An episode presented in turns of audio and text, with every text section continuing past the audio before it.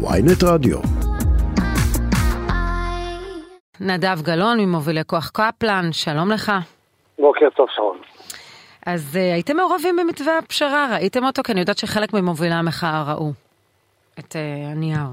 אני בשלב מסוים, בשלב מאוד uh, מתקדם נאמר זאת, היו דיבורים כאלה ואחרים עם חלק מהאנשים שמעורבים במחאה. Uh, אני חייב לומר שיש uh, uh, קונצנזוס ותמימות דעים שמדובר בתרגיל הונאה של נתניהו, שאסור לקבל אותו.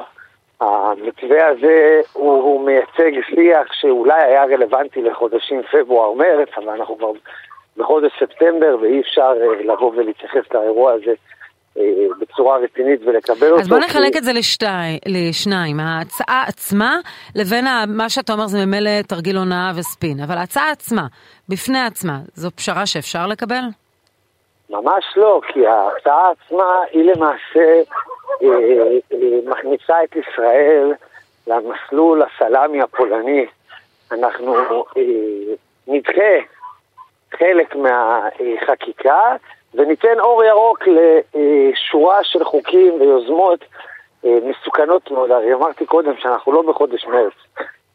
הממשלה בחודשים האחרונים גיבשה 225 חוקים ויוזמות שתכליתם הפיכת ישראל לדיקטטורה, למדינה אה, שהדמוקרטיה בה היא בכאילו, התקשורת החופשית לא קיימת והמרכיב הדתי, כמו בטורקיה, משתלט על המדינה.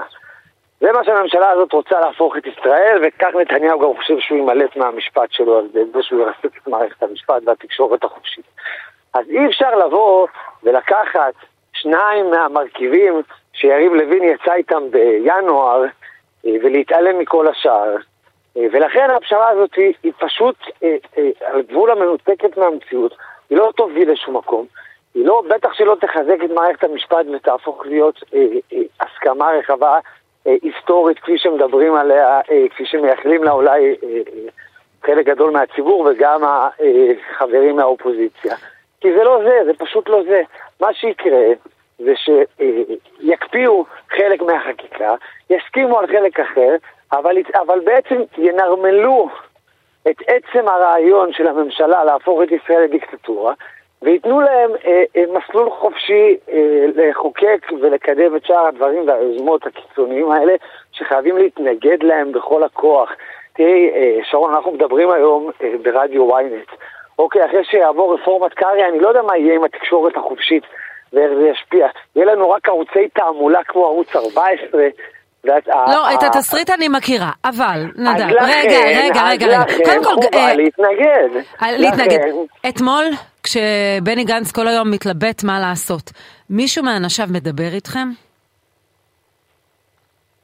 מה זה מדבר איתנו? אנחנו אה, לא צריכים שהפוליטיקאים ידברו איתנו. לא, אבל מישהו מתייעץ איתכם, כי הרי הם, קודם כל יש טענה שהוא מפחד מכוח קפלן, מאחים לנשק וזה, לא, ולכן הוא הלך על המהלך הזה, אבל האם בכל זאת אתם מייצגים ציבור רחב, הוא מייצג ציבור רחב, האם הוא מתייעץ איתכם לגבי ההחלטה, האם ללכת על זה או לא ללכת על זה? אנחנו לא מחכים לטלפון מאדם כזה או אחר. אבל היה טלפון, רק תשובה, כן או לא? היה טלפון. אני אענה לשאלה. אתם לא מחכים, אבל האם היה? אנחנו מרגע, מרגע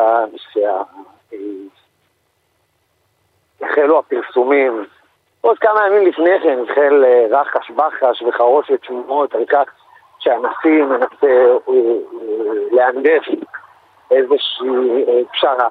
אז אנחנו מאותו רגע נכנסים למצב של דריכות. אוספים את המידע, מדברים עם אנשים אה, בסביבת הפוליטיקאים מהאופוזיציה, ובסופו של דבר אנחנו לא אה, אה, עושים משאים ומתנים, כי התפקיד שלנו אה, הוא להשמיע קול ולתת קריאת כיוון, ומרגע שהבנו לאן זה הולך, היינו מאוד ברורים בעמדה שלנו.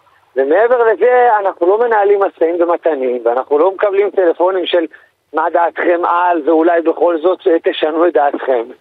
אה, כי אנחנו אזרחים, התפקיד שלנו הוא, הוא לצאת למחות נגד מה שאנחנו חושבים שיביא להרס המדינה, שזה הניסיון של הממשלה להפוך את ישראל לדיקטטורה. אבל אתה יודע שהוא יציג את זה ככה, שאת, שהוא פנה אליכם, אליכם, הוא קורא לבני גנץ, הוא מתעלם משאר כמובן החברים באופוזיציה, ובוודאי עם הכוחות הציבוריים הכל כך משמעותיים שמפעילים את המחאה הזו. אבל עדיין, הוא קורא לו, והוא אומר, הנה ידי מושטת. וברגע שגנץ ענה לו בשלילה, וברגע תרגיל, שאתם שרון, בשלילה, זו אז הוא. יציג את זה, הנה, אני ניסיתי. אני ניסיתי. אבל, אבל אני חושב שהציבור מספיק מנוסה כבר, ומספיק מכיר את נתניהו ואת כל הטריקים והשטיקים שלו, בשביל לא לקנות את ההצגה הזאת. הרי הוא מושיט יד למה? לפשרה אה, שבעיקר אה, אה, תביא לכך שבג"ץ לא יקיים את הדיון אה, שהוא צריך לקיים בקרוב מאוד על העתירה אה, נגד החוק לביטול עילת הסבירות. הרי על מה אנחנו מתפשרים פה? כלומר, בעיניך זה לא הצעה אמיתית, היא נועדה לאוזניו של בג"ץ, או אולי, אני, אולי גם לוושינגטון, אבל זה, זה ודאי לא הצעה לבג"ץ, אמיתית. היא נועדה לבג"ץ, לביידן, אה, לציבור שאולי אה, הצביע לממשלה בבחירות, ועכשיו אה, על פי הסקרים רוצה להצביע למפלגות אחרות, כי הממשלה הזאת היא ממשלת חורבן שהורסת כאן כל חלקה טובה. זה אירוע שהוא אז- כל אז- כולו אז בקרת, המחאה זה אירוע ממשיכה? שהוא כל כולו בקרת אז, אז נזקים. בשורה התחתונה, נדב, המחאה ממשיכה כרגיל, כי אנחנו ראינו גם בשבתות האחרונות קצת עייפות, קצת פחות אנשים. המחאה ממשיכה כרגיל? הממשלה בשיא כוח, המחאה בשיא כוחה. אנחנו אמרנו בצורה ברורה שאם באמת אה, בספטמבר המתקפה על בג"ץ ושומרי הסף תימשך ועל רקע העצירות אנחנו נראה המונים ברחובות אה, כפי שהיה בסוף יולי וכפי שהיה בסוף מרץ ולצערי אנחנו לא עושים את זה ברצון ובשמחה גדולה אבל אנחנו נמשיך לעמוד על המשמר אה, ולצאת למחות כי אין לנו ברירה, אנחנו מבינים שזה עלינו ואם אנחנו לא נהיה, ואם אנחנו לא נהיה, אף אחד לא יהיה. ולכן אנחנו בשבת הקרובה בקפלן נראה הפגנה גדולה מאוד וביום שני אנחנו אה, מקיימים הפגנה גדולה בירושלים שהמטרה שלה היא לתת גב לשופטי בג"ץ ולשומרי הסף לפסוק על פי הדין ולהתעלם מרעשי הרקע והמתקפות נדב. מימין כן. ולכן אנחנו נהיה שם, והמחאה אה, אה, רק תתעצם בשבועות הקרובים, אה, כי גם הכנסת תחזור מהפגרה. אני מזכיר שאוגוסט זה בתקופה שאנשים... כן, כן, הם נמצאים יחזרו בחו"ל לחקיקה, אבל ולכן הנה מהר נעשים מאוד מאמצים. המחאה, המחאה תתעצם מחדש והמספרים יחזרו להיות כפי שהכרנו אותם גדולים מאוד. נדב גלאון ממובילי כוח קפלן, תודה רבה לך. תודה, שרוני.